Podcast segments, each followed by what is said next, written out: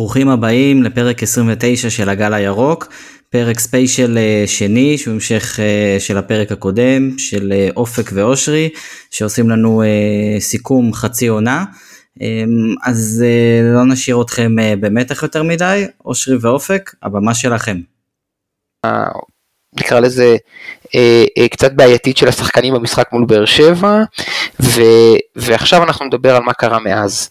ומה שקרה מאז, תקן אותי אם אני טועה אושרי, זה, אנחנו מדברים על אה, ג'וש בשאר, על מגן ימני מתחלף כשברור שזה קודם כל רז, זה יהיה משחק אחד אה, סטריין אם הוא קשר, משחק חוסה אם אין ברירה, אבל זה יהיה רז, זה יהיה צמד בלמים שלא מזיזים, בזנת, ברזל, טנק, נגמש, לא משנה מה, בוגדן בימין ושון בשמאל, וזה יהיה אה, מגן שמאלי שהוא סאן, לאורך רוב הדרך, ואם לא אז רז, ואם לא אז אה, אה, חוסה, אבל לא מזיזים את צמד הבלמים באמצע, לא מזיזים את עלי מהשש, על אף שעלי שיחק שמונה עד אז, וחוסה היה שש, או נטע היה שש, לא מזיזים את פאני מהשמונה, לא מזיזים את שרי מהעשר, לא מזיזים את דולב מכנף שמאל, לא מזיזים את עומר מכנף ימין, ולא מזיזים את דין דוד מעמדת החלוץ. אתה מסכים איתי? כן, אני רק אגיד, שוב, נגענו בזה בחלק הקודם, אמ, הנקודת מפנה הייתה במשחק נגד באר שבע, זאת אומרת,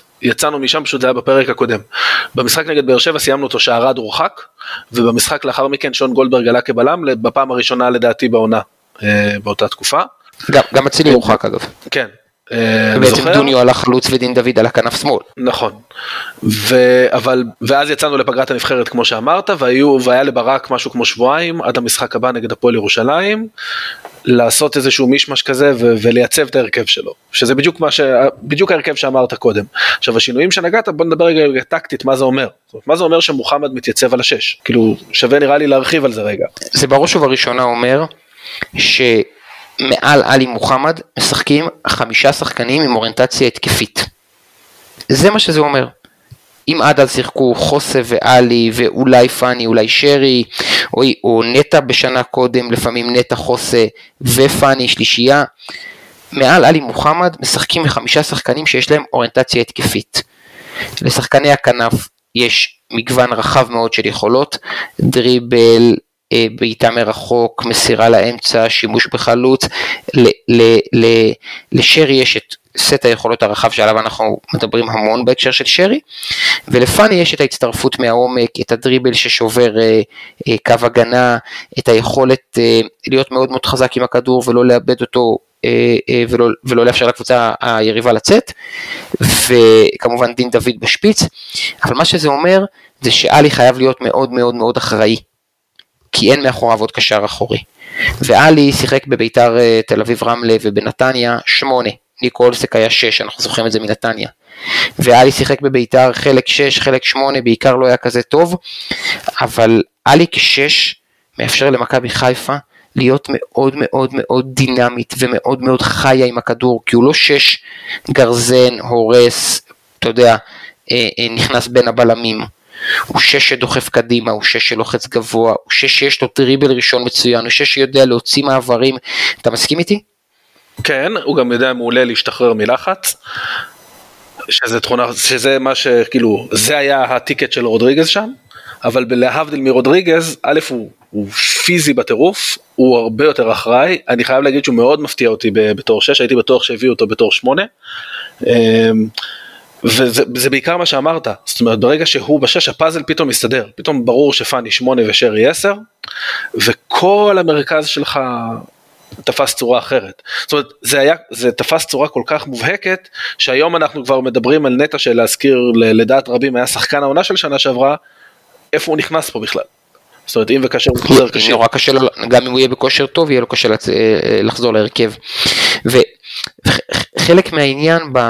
במערך ההתקפי, ב-4-3-3, 4-2-3-1, זה באמת לא משנה, ההתקפי הזה, הוא היכולת של שלושת השחקני אמצע שלך לדעת מה לעשות, מה, מה לעשות עם הכדור. עלי מוחמד יודע מה לעשות עם הכדור, להזיז אותו מצד לצד, לעשות את הדריבל, להשתחרר מלחץ כמו שאמרת, אה, אה, אה, לווסת אותו בקצב המתאים, פאני יודע לעשות את זה, שרי בוודאי יודע לעשות את זה, כולם בעלי אוריינטציה למשחק עם הכדור. אמרתי את זה שבוע שעבר במקרה, במכבי חיפה לא מספיק שתדע לעשות הגנה. במכבי חיפה של היום אתה רואה את זה עם ריין סטריין, כן? אתה רואה את זה עם סאם כשאנחנו מאוכזבים, אתה רואה את זה עם שון ו- ופלניץ', עוד רגע ניגע בזה, שדוחפים את הכדור קדימה. במכבי חיפה לא מספיק שתדע לעשות רק הגנה. במכבי חיפה אתה צריך לדעת לעשות דריבל קטן, אתה צריך לדעת לתת פס ולהשתחרר, אה, אה, אתה צריך לדעת לאן לנוע אחרי שנתת פס ושיהיה אפשר למסור לך, אתה צריך לדעת להוציא התקפות קדימה, וכשאלי משחק 6 זה מאוד מאוד בולט. כל, כל השישייה הקדמית יודעת מה לעשות עם הכדור, אתה מבין?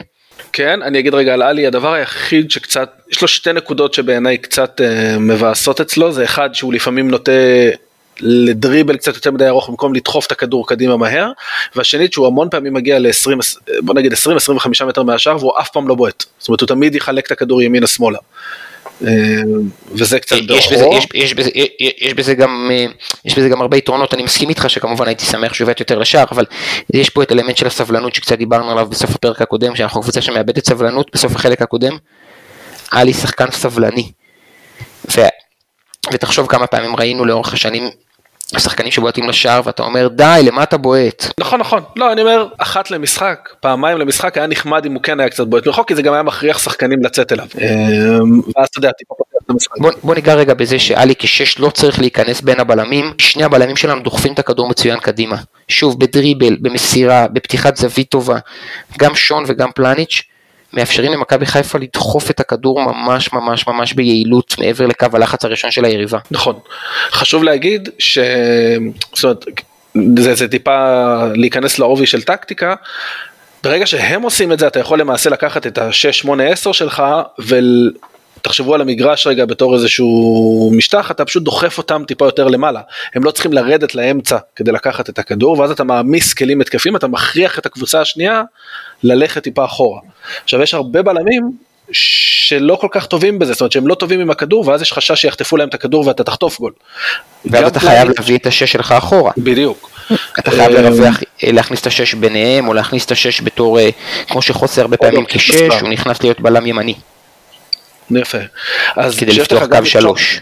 אגב, פלניץ' השתפר בזה, שנה שעברה הוא, הוא פחות היה טוב בזה, הוא מאוד שיפר את זה השנה, את המשחק שלו עם הכדור. אה, אני זוכר אותו שנה שעברה הרבה פעמים כאילו מוסר לעופרי ועופרי היה נותן את החצים שלו או לחזיזה או לצד השני. אה, הוא מאוד השתפר בזה פלניץ' וכן זה שיש לנו שני בלמים שיחסית טובים עם הכדור וצריך להבין בגדול בלם זה לא החבר'ה הכי טכניים בעולם, אבל ביחס לבלמים, גם פלניץ' וגם שון מאוד מאוד טובים עם הכדור. אני כן אגיד שנגד קבוצות שלחצו אותה מאוד גבוה ומאוד חזק, נגיד שמכבי תל אביב לחצו אותה מאוד חזק, או אפילו הפועל ירושלים שלחצו אותה מאוד חזק, והם קצת הופתעו מזה, זה כן חרק קצת, זאת אומרת עדיין יש מה לשפר שם. נכון, וחלק מהשינוי שמקל עליהם זה שהרבה פעמים בתבנית ההתקפית שלנו בבילדה בבניית משחק המגנים לא מרווחים עד הכנפיים אלא באים יותר לאמצע. זה ממש ממש בולט כשחוסה משחק אה, מגן. ואז אם אתה, אם, אם אתה קבוצה יריבה שלוחצת עם שני שחקנים לא משנה אם זה קשר וחלוץ או שני חלוצים את שני הבלמים שלנו כי אתה לא רוצה שהם יניעו כדור כי אתה לא רוצה שגולדברג ידחוף את הכדור עד החצי בכדרור כמו שאמרת, כי זה גורם לכל ההגנה לרדת אחורה. ואתה לא רוצה שבוגדן אה, יעטל בחלוץ שלך ויצליח להוציא את המשחק קדימה, אז אתה לוחץ עם שני שחקנים על שני הבלמים שלנו, ואז אם שני המגנים לא בורחים לכנפיים אלא באים טיפה יותר לאמצע, נורא נורא נורא קשה לסגור ארבעה שחקנים בשטח כזה. נורא קשה. מי שהצליחה לעשות את זה זה הפועל ירושלים, כי היא שמרה ממש כמו אישית. אבל אם תיזכר, אם תיזכר, אם תיזכר אפילו בחצי הראשון נגד באר שבע, שהיא קבוצה שתמיד לוחצת עם שני חלוצים, זה לא משנה אם זה ניקיטה ושכטר, ניקיטה ואנסה, ניקיטה ושגיא ויחזקאל, אז הכניסה של, של, של חוסה כל הזמן לאמצע, מעמדת המגן השמאלי, לא אפשרה להם ללחוץ אותנו. כי מי יכול לשמור את חוסה? שני החלוצים לוחצים את שני הבלמים. מי שיכול לשמור את חוסה זה רק העשר. זה רק ספורי במקרה הזה. ואז עלי מוחמד וחוסה מייצרים שניים על אחד על ספורי. עכשיו זה מאוד מאוד מאוד בולט הם, הם, ב, ב, בכל מה שקשור לקצב שבו אנחנו מביאים את הכדור לשליש האחרון, לשליש של היריבה, אבל זה לא רק בולט בזה, זה בולט גם בכמות השחקנים שאנחנו מכניסים לרחבה.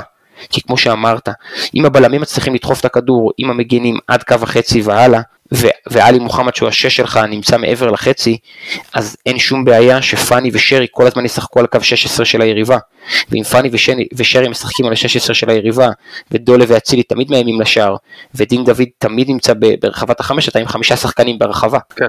אגב, רואים את זה הרבה מאוד בקבוצות שמנסות לשחק איתנו ב-5-3-2, ומנסות כאילו, רואים המון פעמים את שרי ופאני, פשוט ממש נכנסים בין המגנים לבלמים, ואז את התנועה של דין דוד, ושברגע שחזיזה ואצילי נכנסים, כאילו כל המערך של החמש נופל, זה בלט לי נורא נגד מכבי פתח תקווה, של קלינגר, זה פשוט, פשוט ראיתי את אותו תרגיל שוב ושוב ושוב, וגם ההכנסת כדור היא נורא מגוונת, זאת אומרת, זה לא תמיד אותו דבר, לפעמים יש מסירה מאחורי הבלם או המגן לשטח, כמו הגולים נגד מכבי תל אביב בשלוש שתיים, שזה תרגיל שאני רואה אותו המון, תבנית התקפית, שאני רואה שחוזרת המון פעמים, זה יכול להיות בקרוסים, וזה יכול להיות בדריבלים של אה, אצילי, זאת אומרת לבודד את אצילי לאחד על אחד ואז לתת לו לבעוט מחוץ לרחבה.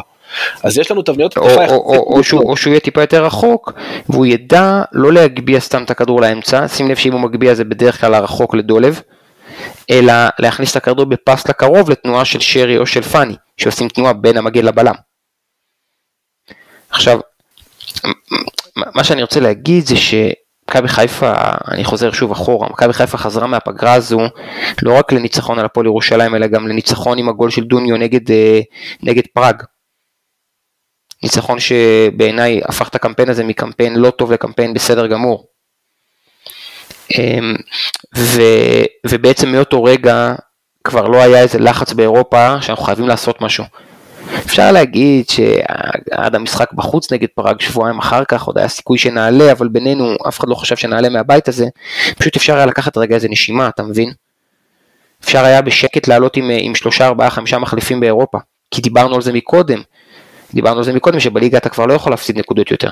חד משמעית, אני חושב שברגע שירד הפחד הזה של פדיחה נוראית באירופה, או השפלה או משהו שישפיע עליך אחר כך על הליגה, אני חושב שגם בקרב האוהדים זה היה די קונצנזוס, כאילו, ש, ש, שנסעו לפראג או לברלין, כאילו, למי אכפת? רק תעבור את המשחק בלי פציעות, יש לנו דרבי, יש לנו הפועל תל אביב, כאילו.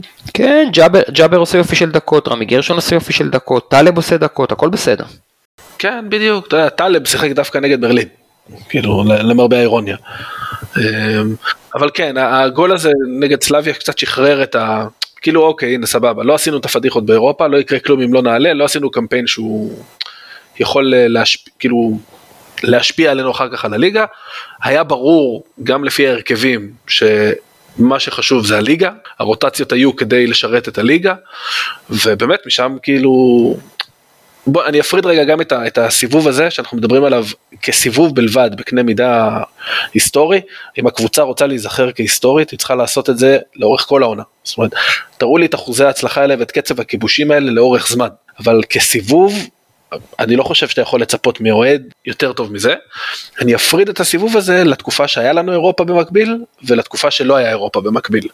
כי כל עוד היה אירופה במקביל אולצנו לעשות רוטציות. עכשיו שוב, למי שלא ב, ב, עמוק בתוך זה, צריכים להבין שיש לך לצורך העניין משחק ביום חמישי בפראג, ואתה אחר כך יש לך משחק ביום ראשון או שני נגד, אה, בבית נגד קריית שמונה, אתה משחק ביום חמישי, זה לא רק משחק ביום ראשון, זה אין אימונים לפני המשחק, כי אתה בטיסות, והשחקנים צריכים לנוח. אתה טס ביום שישי, אתה בשבת עושה הכנה לראשון, נייחים, טקטי, וידאו, ומשחק בראשון, זהו. כן, כן. ואז שוב, יש לך חמישי עוד פעם משחק, אז אין לך, יש לך פחות אימונים בין לבין, ואז עוד פעם, אם יש משחק חוץ, עוד פעם, נגד פיינורד לצורך העניין נסענו לשחק בחוץ, זה שוב, זה משחק שהוא לגמרי garbage, אבל עדיין, אתה טס יום לפני, אתה חוזר בטיסה יום אחרי, אתה מפספס פה ימי אימונים. אתה טס בשלישי וחוזר בשישי בערב, מה? ואז קשה להתאמן בשבת וזהו. כן, ואז עוד משחק. אז פשוט אנשים קצת אוהדים לפחות במובן הרחב של זה, לא כל כך חושבים על האלמנטים האלה, זאת אומרת לא יורדים לרזולוציה של כן היה אימון, לא היה אימון, מה זה אומר? אי אפשר לתרגל שינויים, אתה לא יכול להרגיל, אה, לייצר טקטיקות חדשות, אה, לתרגל, לא יודע מה, להכניס שחקנים להרכב, יש לזה המון המון מחיר לדברים האלה. אני אכניס אותך יותר לעומק לפרקטיקה של זה. מי מתאמן יום אחרי משחק? מי שלא שיחק, נכון? בדרך כלל. בדיוק. כן. והרכב עושה חדר כושר. המחליפים האלה, לא משנה כמה הם uh, מתאמצים כדי להרשים את העוזר מאמן או את המאמן שאיתם, ולא משנה כמה הם uh, נותנים 100% מעצמם, מה הם עושים? קצת יכולת אישית ומשחקון 4 על 4, 5 על 5, אין, אין כדורגל, אתה מבין?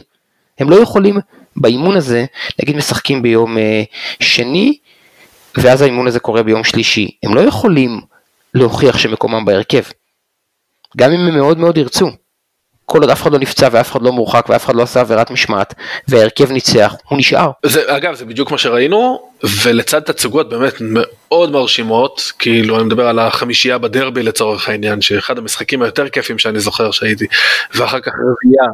שישייה על סכנין, אבל לא, אבל היה לך כאילו, נתת שלוש לפועל תל אביב, היה רצף של שלוש לפועל תל אביב, חמש בדרבי, אחר כך ארבע לנוף הגליל, אחר כך היה פיינורד בחוץ, ואז הניצחון על ביתר שהוא שתיים אחת, אבל היה אמור להיות בעיניי שש במחצית שם, כאילו פירקנו אותם בתכלס, וכדורגל מטורף, ואז גביע, ואז עוד פעם ניצחנו את, אה, התחלנו את הסיבוב השני עם ניצחון על חדרה, השישייה על סכנין, ואז הבונבון על מכבי תל אביב, אבל שנייה, לפני שאני רץ לזה, ברגע שסיימנו את אירופה, וזה, אני קצת מחריג את המשחק השישי, כי תכל'ס סיימנו את אירופה לפני, ברגע שהיה ברור שאנחנו לא, לא הולכים להפיל מאירופה, רואים את ההבדל, זאת אומרת המשחק הפך להיות הרבה יותר שוטף, גם קצב המשחקים, אתה יודע, פתאום הפכת מפעמיים בשבוע לפעם בשבוע, יש לך סגל שהוא קצת יותר רחב למרות הפציעות, ואני מניח שההבדל היותר המשמעותי הוא, היה לברק זמן לאמן את השחקנים, אתה רואה את זה, אתה פשוט אתה רואה את הכדורגל. את התבניות התקפה מול קו חמש שאתה דיברת עליהן, את, ה, את היכולת להשתחרר מלחץ, את, ה, את הטרפז עם המגינים שבאים לאמצע שאני דיברתי עליו, היבטים שבתחילת שנה בגלל היעדר אימונים, בכר היה מחליף בשינויי טקטיקות. שיחקנו קו 5, יהיה לנו 5-2-1-2, ושיחקנו יהלום קצת באירופה, ושיחקנו 4-3-3 פתוח, ושיחקנו אה, אה, אה, קו 5 שהופך לקו 4 עם בלם שהופך להיות קשר, ושיחקנו עץ אשוח שדיברנו עליו, אתה מבין? כן. ובמקום להחליף מלא שיטות. אז יפה, לא שייכתי את זה לזה. האמת שזו תובנה יפה כי לא שייכתי את זה לזה. זאת אומרת אני שייכתי את זה ל... הוא קיבל ביטחון מהתוצאות ומה... הבין שה-4-3-3 עובד, ושוב מבלי לזלזל בליגה אתה יכול לשחק 4-3-3 סופר התקפי עם מוחמד כשש בודד ועדיין לא לשלם על זה מחיר גבוה מדי מבחינה הגנתית ואתה מרוויח את הכלים בהתקפה של שרי ופאני מועמסים לתוך הרחבה ואתה רואה שבאמת זה סיבוב שכאילו תפרנו את הליגה. זה פשוט סיבוב שתפרנו פה את הליגה. אני לא זוכר מתי נהניתי ככה ממכבי חיפה באמת ואני אוהד אותם בערך מכיתה ד' זה במונחים של סיבוב זה הזכיר את מכבי חיפה הגדולה. עדיין יש המון מה לשפר, עדיין צריכים לראות לאורך זמן.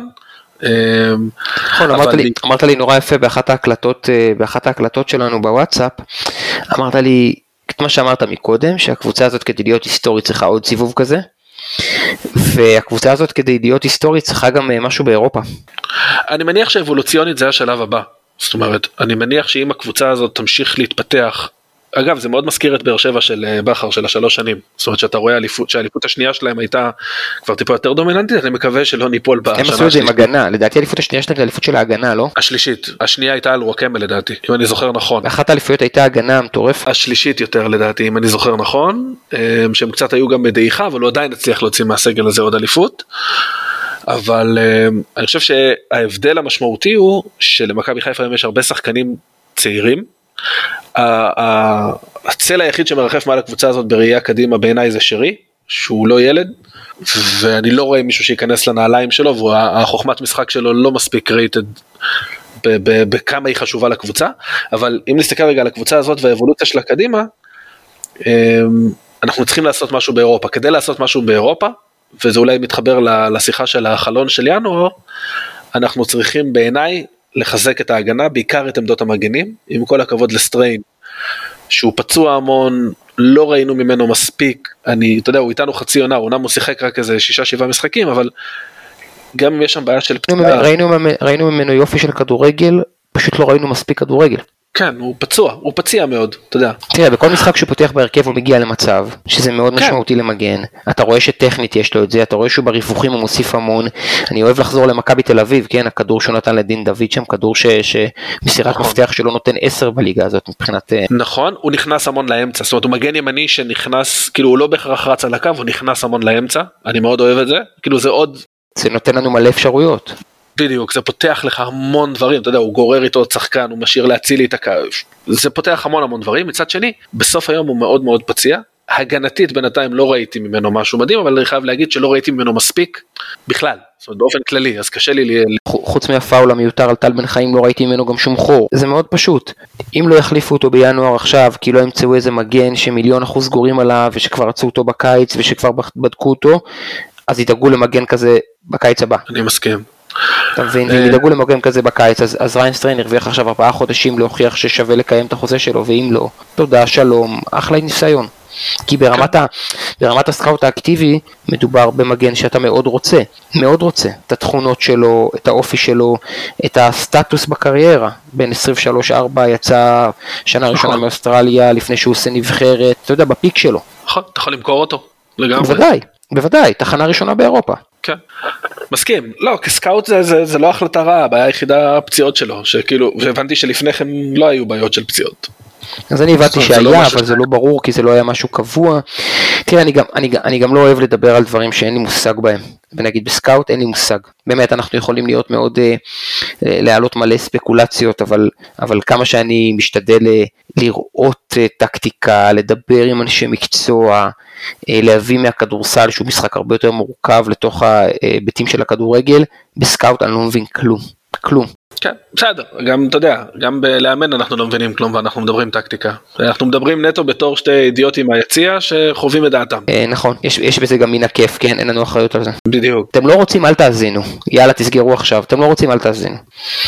לא, אני אגיד לך מה, אתה יודע, זה כבר יותר בעולמות הניהול, הכי כיף בעולם זה להיות מהצד ולהגיד למה לא ולמה לא ולמה לא, אתה יודע, זה התפקיד שלנו כאוהדים. הציוץ, אחד הציוצים האהובים עליי בתולדות הטוויטר, מהתקופה שהטוויטר היה טוב, כן? אה, לפני שהוא נהרס. נראה לי זה היה אבישי סלונים, שהוא צייץ, אמ, זה בסדר שאתה קורא למסי לוזר, רק תנקה את הפירורים של הבורקס בזמן הזה בבקשה. כן, בדיוק, משהו כזה. כן. כן, אז אנחנו אבל כרגע. כן, בדיוק. הוא הפסיד איזה איזה קופה אמריקה או איזה מונדיאל, אתה יודע, זה בסדר שאתה קורא למסי כן, כן, כן. אז רגע, אתה יודע מה, אני, אני אשתמש בזה דווקא כדי לקפוץ לעוד נושא שאני לא מתיימר להבין בו, אבל חלק גדול מהביקורות שמגיעות על הקבוצה, אני כן רוצה להתייחס לזה, זה כל עולם הפציעות והכושר הגופני. אז תעצור, רגע, תן לי. לא תן לי מה שנקרא. אה, מילה, מילה על מה שאמרתי מקודם, אה, דיברתי על, אה, דיברתי על הנייחים ועל השינוי בנייחים, אתה זוכר? כי גם זה התקבע אחרי המשחק מול באר שבע, לפני המשחק מול, מול קטמון, מול הפועל ירושלים, ובעצם באותו פיק. זה המעבר מהגנה אזורית להגנה שהיא מעורבת, אזורית ואישית, וגם אוהדים אה, ואוהדות יכולים ויכולות לראות את זה אה, בכל משחק, וזה המחויבות של השחקנים ל- לחוקיות בתרגילי התקפה בנייחים, עם האינסטינקטים שלהם, מי שנמצא בדשא, מי שנמצא ביציע, מי שנמצא במגרש יכול לראות את זה. זאת אומרת, כמו שבהגנה יש לנו חוקיות, חמישה בקו אזורית, אה, זה היה לאורך המון זמן דולב ראשון, ונגיד אה, עומר אצילי על הקורה, ואז אה, אה, אה, שון, ואז פלניץ' וסאן אחרון, וזה טיפה משתנה כשסאן יוצא מהרכב, ועכשיו פעם ראשונה ראינו את עומר ראשון ודולב אחרון, לא משנה, יש חוקיות ויש אינסטינקטים. אה, אתה רואה את זה המון אה, אה, בקרנות. יש תרגיל, נגיד, או איזושהי תנועה מוסכמת, אבל אם עכשיו אפשר לעשות משהו אחר, אז עושים משהו אחר, כי זה האינסטינקט של השחקנים. אתה רואה את זה בחוצים. אתה זוכר ששנים מכבי חיפה לא הצליחה להוציא חוץ, כן? שנים אושרי. שנים. לא.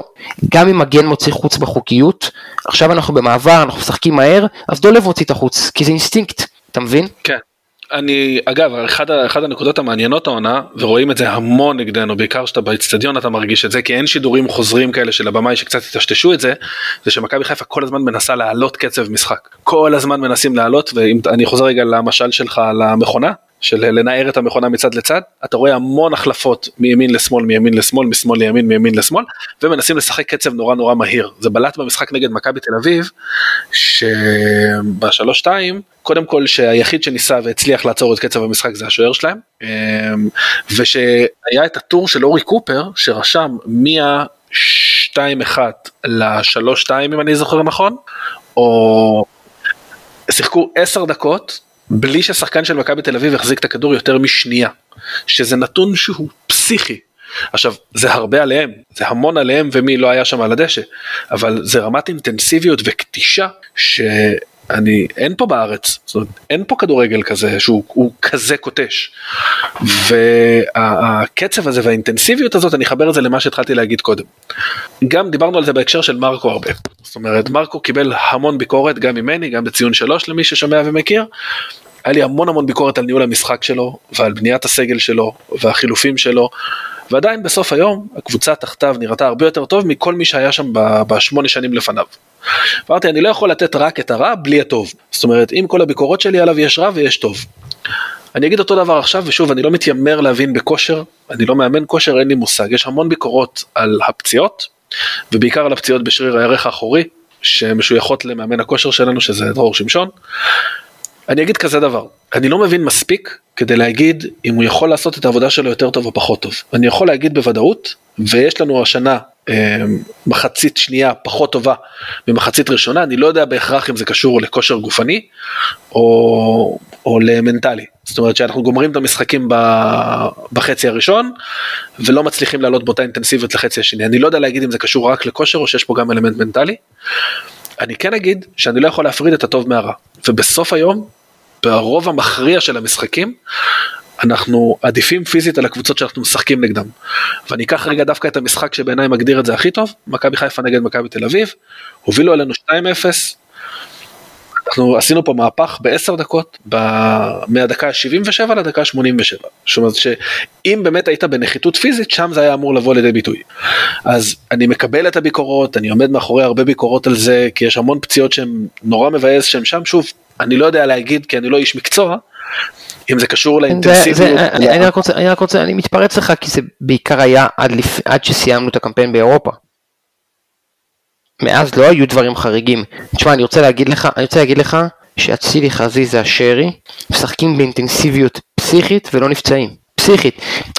אמג' סיזון המשתמש בטוויטר, אה, יצא לו לכתוב לי את זה גם ב-DM כמה פעמים.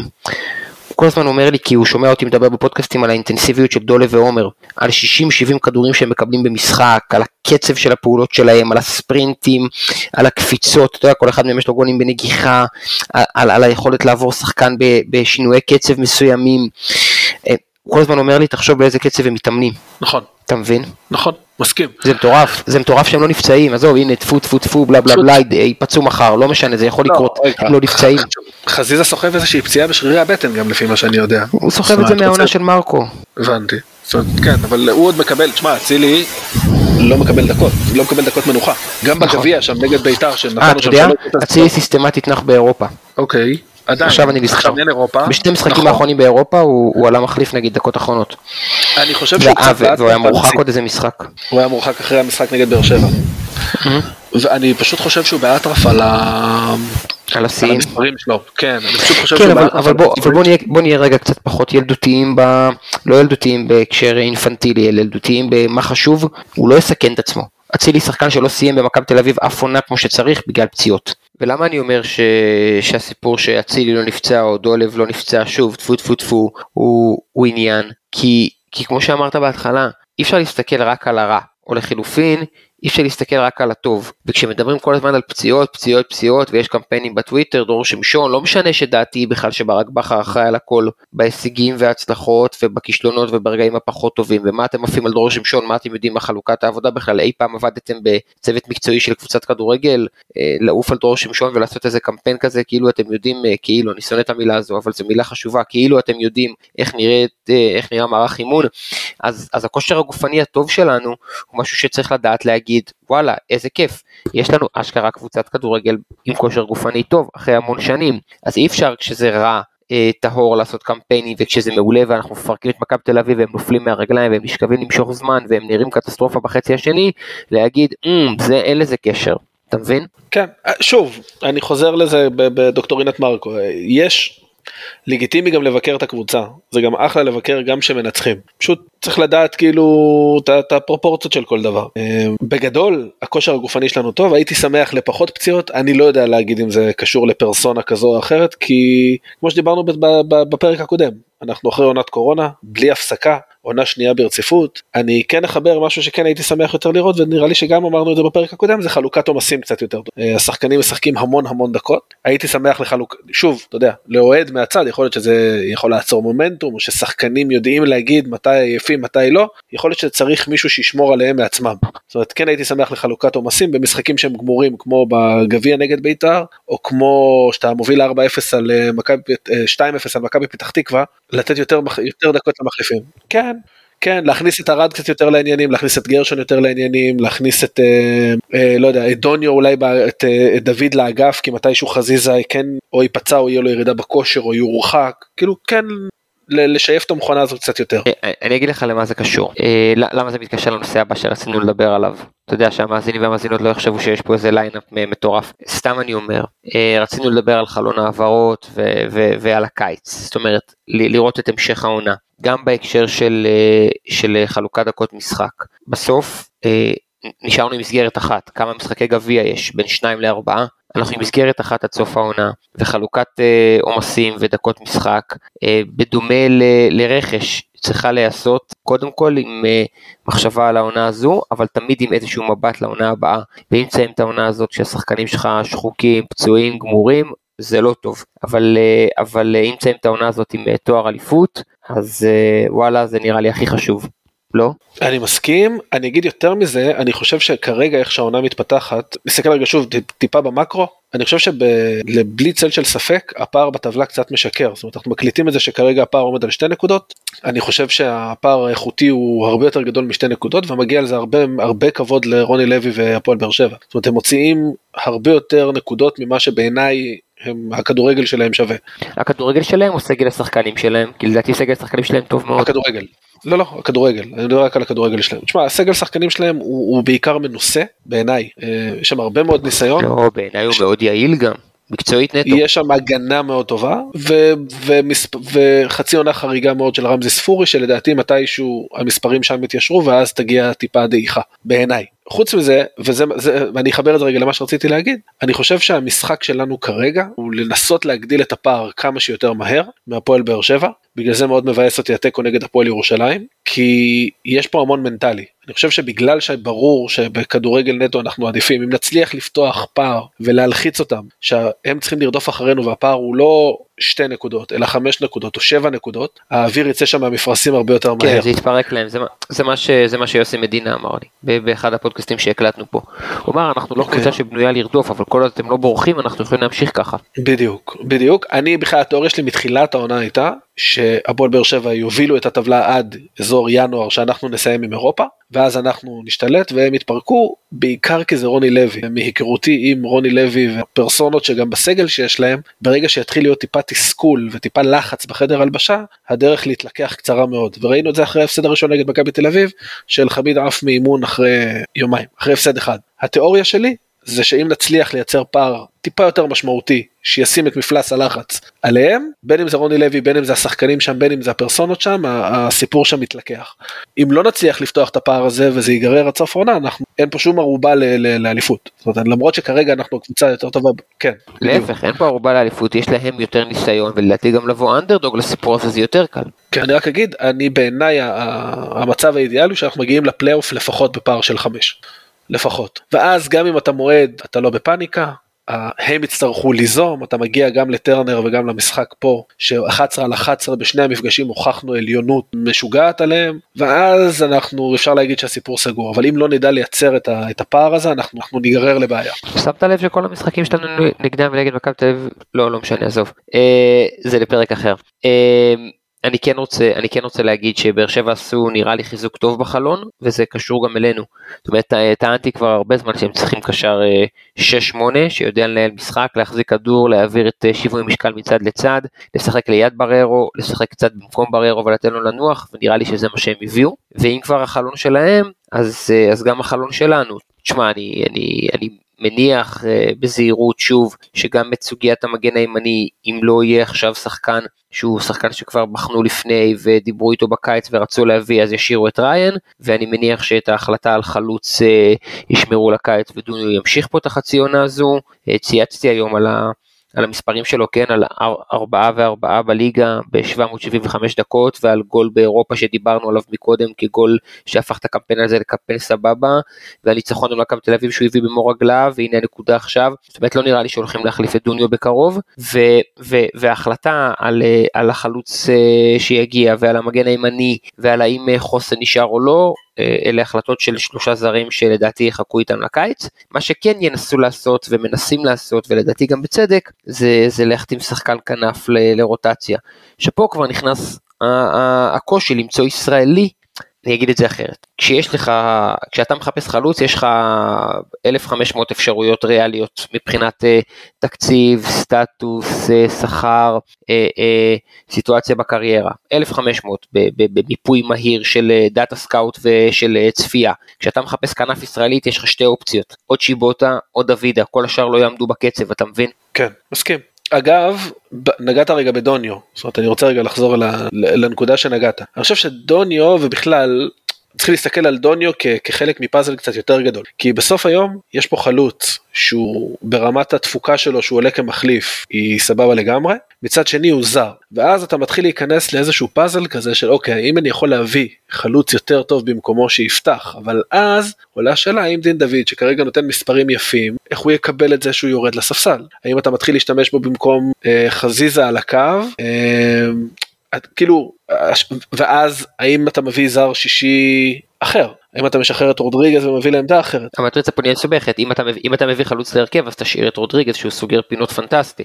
זהו. ואז זה הנקודה השנייה שרציתי להגיד עליה. תודה שפיקסת אותי. אנחנו צריכים לקראת העונה הבאה אם אנחנו הולכים לשחק בשתי מסגרות בין אם ניקח אליפות ובין אם זה יהיה מקום שני אני מניח שבאירופה אנחנו נהיה אנחנו צריכים לפחות שניים או שלושה שחקנים שיכולים לשחק בכמה עמדות. כי בסופו של דבר ראינו את זה השנה שיש לנו יחסית סגל נחמד, רחב יחסית, זה לא מספיק להיות גם באירופה וגם בליגה. ואתה צריך למעשה לייצר מצב שלפחות בחלק הראשון של העונה יש לך אה, שחקנים 13, 14, 15 שיכולים להיכנס להרכב מבלי לעלות לך נקודות בליגה. וכדי לעשות את זה אתה צריך שחקנים שיכולים לשחק בכמה עמדות. וחוזרי אודריגז, אם יש יתרון אחד גדול בו, אני לא חושב שכשש הוא מספיק טוב, אני חושב שיש לנו מוחמד, אפילו פאני יותר טובים ממנו בתור שש, אבל היתרון המאוד גדול בו הוא שיש לך מגן ימני פצוע רודריגז יש לך בעיה באגף שמאל כי גם טלב וגם סאן פצועים וגם רז מאיר פצועים שים את רודריגז.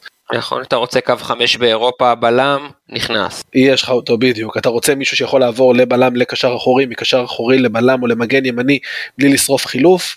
יש המון גמישות בדבר אני חושב שאחד התכונות שנסתכל עליהם ברכש עתידי הוא באמת שחקן שהוא טיפה יותר ורסטילי אה, זה גם משהו שהייתי שם בזה אני חושב שאנחנו צריכים לחזק את המגנים. כמו דיברת כבר על המגן הימני, אני כן אשמח למישהו חוץ מאוריינטציה התקפית שגם טיפה יותר טוב בהגנה, יש לנו את פלניץ' שהוא מדהים בעיניי, שון במונחים אירופאים, אני לא יודע כמה הוא נחשב בלם חזק, ואם לא יהיו לנו לפחות מגן אחד שהוא גם טוב בהגנה, לאירופה זה בטוח לא יספיק. ואם דיברנו על הקפיצה שהקבוצה צריכה לעשות, זה זה.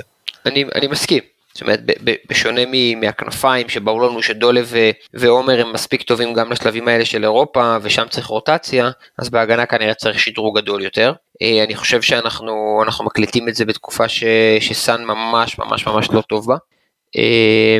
וזה משהו שצריך לתת עליו את הדעת, אני לא מדבר על טלי, כן חוזר מפציעה, לא חוזר מפציעה, כנראה שצריך מגן שמאלי מחליף, אבל כזה שגם יוכל לשחק, לא בובה. וכזה שיש לו רגל שמאל, זה גם יהיה נחמד, כי כרגע משתמשים בעיקר ברז מאיר. כן, ושוב, לליג, לליגה זה יספיק, עזוב, גם חוסר, היית את חוסר מול הפועל באר שבע, הוא נותן לך דברים ש, ש, שאף מגן שמאלי בליגה לא נותן. אמ, כן, אבל לאירופה כנראה שזה לא יספיק. תראה, אני, אני מאוד... אה, אני מאוד מתחבר לקו הזה שבו אתה אומר בינואר אני לא מביא שחקן שהוא לא שחקן שייכנס עכשיו לשחק. אני מתחבר לזה, זאת אומרת, אמ, כולם מאוד רוצים להביא את קני סייף, איזה דקות הוא יראה בדיוק בחצי עונה הזאת. בוא נביא אותו בחינם בקיץ כשאנחנו יודעים שהוא שחקן שיכול לשחק בקו 5 בצדדים ויכול לשחק ב-4-4-2 קווים אם אתה רוצה לשנות מערך אה, ויכול בליגה גם להיות אה, במידה כזו או אחרת אה, נגיד שלישייה קדמית ב-4-2-3-1 אבל בינינו כמה הוא ישחק השנה בליגה. אין עוד הרבה מסגרות, אתה מבין? לא, לא זה גם לא... שוב, nice to have, לא משהו שהייתי עכשיו שובר עליו, בטח ובטח שבקיץ אתה יכול להביא אותו בחינם. נכון, אני קצת כן מק... חושש קצת, מאוד. קצת מכבי חיפה של פעם. כן, אמ, אני כן קצת חושש מ... או מחלילה שיגיעו פציעות, או מירידה טבעית בכושר, אתה יודע, אצילי בינתיים מספק מספרים שכאילו הלוואי והוא יעמוד בהם לאורך כל העונה, אבל אני כן חושש שמתי שתהיה טיפה ירידה. כן. כן. אז ואז אין לנו כרגע מישהו שייכנס לשם, אין מישהו. לא, ב- יש לך, יש לך להזיז את חזיזה ימינה, אתה יודע, ודין. דוד שמאלה.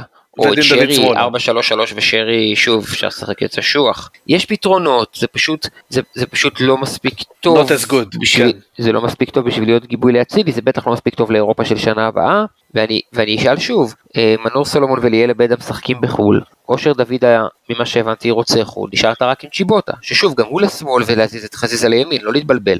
כן, נכון. זהו, אז, אז חבר אה, פייק בן דור ברמת אמר לי הישראלים. היום- כן, ברור, פייק ברמת בן הישראלים. דור, אתה יכול להתחיל לשחק עם להגיד אוקיי, אני משחרר את דוניו, מביא חלוץ כן. ש- שמבחינת אגו ויכולות מבין שהוא עולה לקבל שברירי דקות אחרי דוד כחלוץ פותח, מי? ואז לפנות את המשבצת הזאת של הזר. מי, שלומי אזולאי החלוץ מהפועל תל אביב? מי? לא, אז אולי שוב, אני, אני תומר זורק, חמד? פחות חושב שהוא מתאים לסגנון. א', אני בכלל, אני פחות ב... אני חושב שתומר חמד זה החתמה של מכבי חיפה של לפני כמה שנים. אני מסכים, זאת אומרת, אני חושב שואל. שלהביא שחקנים שהם בסוף, אה, זה רק אולי, אולי, אולי לראות עם נחמני בכיוון, אה, אולי אחד הילדים לא, אני מהפועל. רואה את זה כמו, אני רואה את זה כמו גוזלן. עזוב, נו, זה לשחק בקבוצה דומיננטית, זה, אין לו את היכולות הפיזיות, אין לו את רגל שמאל, נו, אז הוא נותן כמה אין גולים לי שם. בשלוף, בשביל זה יש מחלקת scouting, אין לי שם... אה, לא, ברור, פשוט זה מה שהתחלתי להגיד מקודם. כשאתה רוצה להביא חלוץ זר כמו דוניו, אגב, 140-150 אלף יורו לעונה, חוזה לשנתיים, אופציה לעוד שנתיים, ב- לפני פיק בקריירה, אבל אחרי שהוא גדל בנוער של סיטי, אין לך ישראלים. עבדה וסולומון בחו"ל בכנפיים לא יגיעו. אלטמן כזה, אבל. אלטמן לא יסכים לשחק. אה, תהיה נשמתו, סליחה, כן? אה, די, לא, נו. בוא נראה. לא יודע. באיזה אינטנסיביות הוא יכול לשחק בכנף? הוא יכול לשחק מאחורי החלוץ, יענו חלוץ שני, יכול להיות חלוץ, באיזה אינטנסיביות הוא יכול לשחק בכנף? טוב שלא לא, אמרת לי לא, מה אני הוא מדבר על. חלוץ, אני מדבר על חלוץ במקום אה, דוניו, ואז אה, אז זר אני- על אני- אני הכנף. חושב עכשיו על... אני חושב על כנפיים מבחינת אינטנסיביות. לא, כנפיים אני מסכים, אין. הכנפיים שלנו משחקות בקצב פסיכי, פסיכי. כן, זה רק זר. אני באיזשהו שלב אמרתי לעצמי, בוא נחסוך זר ונביא כנף זר. נכון, זה מה שאני אומר, אבל אז בשביל זה אתה צריך לשחרר או להביא מגן ימני ישראלי במקום סטריין, או להביא חלוץ מחליף במקום דוניו. כן, או לוותר על חוסן. אני לא הייתי עושה את זה. לא, אני רק אומר, ה- זו אופציה. כן, כן, נכון. בקיצור, אנחנו מסכימים שפחות או יותר, אני כן הייתי שמח לעבות טיפה את הסגל באו כנף או חלוץ, אנחנו מבינים שכרגע השוק אין, אין מציאות גדולות מדי. וגם, וגם, וגם זה עולה מלא כסף. אוקיי, אז, נכון. אז זרגרי עכשיו יכול לבוא בחינם מביתר, בחינם או בסכום כסף פעוט, אבל איזה דקות הוא יראה, תקשיב, אה, עלי, פאני, ג'אבר, נטע, חוסם, משחקים איתו פינג לא, פונג באימון, לא הוא לא רואה את. הכדור. הוא לא לא, רואה את הכדור. אז, בביתר אין לך כנף להביא, מה תביא את רוטמן, מה הוא יכול לראות את אצילי? באמת אני שואל. מיכאל אוחנה שגמר את הקריירה, בעשר. לא, לא, זה רק זר, זה רק זר. אתה- זה רק זר אה, ולשחרר את אחד אבל ה... תסתכל, תסתכל על המחירים, תסתכל על, אה, אני מדבר בכוונה על קשרי האמצע, שוב, זו עמדה שיש בה לא מעט, תראה את גנדלמן, תראה את אליאס, מי משלם מיליון וחצי יורו להביא שחקן, תגיד לי, וחוזה כן. לשלוש וחצי, ארבע שנים, מי, כשאתה בקלות מפספס, אה, מפספס את פאני ומפספס את ג'אבר הבאים, אז אותו דבר בכנפיים, כדי להביא את שיבודה או כדי להביא את דוד, אתה צריך להשקיף שלושה מיליון יורו עכשיו, עם אה, משכורות, וזה בשביל שחקן מחליף, זה בשביל תקשיב, שחקן תקשיב, שיכול להיות ההבדל בין אליפות ללא אליפות. שאלה טובה, צ'יבוטה מגיע בינואר עכשיו, תיאורטית, יש סיכוי שהוא לא עולה הרכב עד סוף העונה, אתה סגור על זה. לא בטוח שהוא לא עולה הרכב עד סוף העונה, אני לא, מניח שוב, אמרתי לך. יש סיכוי. אוקיי, כי, כי, כי דין דוד מכיר את השיטה, ודוניו חלוץ ודין דוד בשמאל זה אופציה. כן, בסדר, אני מזכיר לך שגם אצילי הגיע בינואר שנה שעברה, ובעיקר נותן תפוקה כן, השנה. אבל אצילי, יכול אבל תחשוב על הכסף. תקשיב, תקשיב, כן, אני במיליון בתור אוהד, וחצי אני יורו, פחות מסתכל על זה. נכון, אבל בסוף כדי להביא את האורי דהן והדין דוידים האלה, אתה צריך לוותר באיזשהו מקום אחר. אני מבין את הלוגיקה שלך, אני רק איזה זרים אפשר, איזה זרים אפשר להביא באיזה משכורות על, על הכסף הזה שאתה תשים עכשיו על צ'יבוטה? לא משנה, אני בעד להביא את צ'יבוטה, אם לא עכשיו אז בקיץ, וברור לי שאין שחקן כנף אחר ישראלי ריאלי, חוץ מדוידה שיכול לעמוד בקצב. אני מסכים, אני אומר זה פשוט, להגיד הסכומי כסף לא מעניינים אותי כאוהד, זה קצת להיות מנותק, בעיניי זה קצת, זה כן. קצת לא מתאים לנו. לא, לא, אני מבין מה אתה אומר, אני רק אומר, אתה יכול ללכת לאופציה של זר. אוקיי. ואז אתה פותח טיפה יותר אפשרויות לכנף, אבל שוב, נכון. דיברנו על זה. מה, מה אה, עוד? על מה לא דיברנו? אני כן אגיד שאני מאוד מאוד מבסוט מזה שיש חשיבה קדימה שברק בכר חתם כבר לעוד שנתיים. אה וואו, זה. מהלך מכבי חיפה- מה- עם פיד אנטי של בכר? פעם. כן, תשמע זה מהלך מכבי חיפה של פעם גם הטיימינג של זה וה... כן, בינואר, בינואר.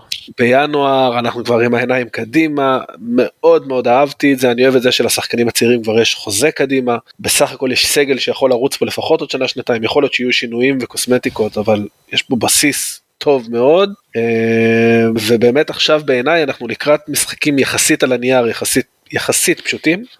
יש לנו כן, עכשיו נתניה, חדרה, אשדוד, קריית שמונה. כן, כן, כן. סיכוי טוב, תשמע, אנחנו בלי פלניץ', בלי פאני, שרי אני מקווה שיהיה כשיר. אה, זו קבוצה שאוהבת ללחוץ גבוה, והם ראו מה הפועל ירושלים עשו לנו, אני מניח שיהיה שם קשוח מאוד, אבל הנקודה שלי זה שעכשיו אנחנו, זאת אומרת, אני מקווה מאוד שנצליח לייצר רצף טוב בליגה ולפתוח את הפער. ברגע שנפתח את הפער, אנחנו, המשקולת על באר שבע אמורה לעשות ההבדל, ככה אני רואה את זה לפחות. אוקיי. מעבר לזה, זה- אנחנו, תשמע, אנחנו, אנחנו בינואר עם אה, סיכוי לעונה, אתה יודע, משוגעת, של גביע הטוטו, אלוף האלופים, ופוטנציאל בשתי דאבל. כרגע. מסגרות, כן, חצי גמר גביע מעבר לפינה, טפו טפו טפו. כן, אה, אתה יודע, בוא נקבע שניפגש פה, בוא ניתן איזה תאריך. בוא ניפגש פה באפריל, לעוד אחד. לפני ה money time, יאללה, כן, יאללה, סוף עונה סדירה, נדבר עם החבר'ה. לפני הפלייאוף, אה, סגרנו. לפני הפלייאוף. מגניב. סיימנו? כן, נראה לי שכן. אה, היה תענוג. היה כיף, מקווה שלא כן, קשקשנו מקווה יותר מדי. כן, שהחכמנו, החכמתם, החכמתן, אה, וביני לבין אושרי זה כזה פשוט, פשוט המשכים של מלא התכתבויות והקלטות וואטסאפ. כן, זהו, זה הרגיל. זהו תודה לאכסניה, נכון? תודה לאכסניה. כן, נראה לי שכן. אה, היה תענוג. היה כיף. אני מקווה כן, מקווה. כן, שהחכמנו, החכמתם, החכמתן, אה, וביני לבין אושרי זה כזה פשוט, אה, פשוט המשכים של מלא התכתבויות והקלטות וואטסאפ. כן, זהו, זה הרגיל. זהו תודה לאכסניה, נכון? טוב. תודה ל- תודה לאכסניה. תודה רבה לאופק ואושרי על uh, סיכום חצי עונה uh, עד כה, uh, פרק uh, שני מתוך space של שני חלקים. Um, הפרק הראשון מן הסתם כבר uh, זמין לכם בכל הפלטפורמות, ספוטיפיי, אפל פודקאסט, גוגל פודקאסט. אתם מוזמנים לעשות לנו subscribe ולמצוא שם את הפרק הקודם וגם את כל הפרקים שלנו. נשמח גם שתדרגו אותנו, זה יעזור לנו מאוד. אז שוב המון תודה לאופק ואושרי, וניפגש בפרק הבא. ירוק עולה.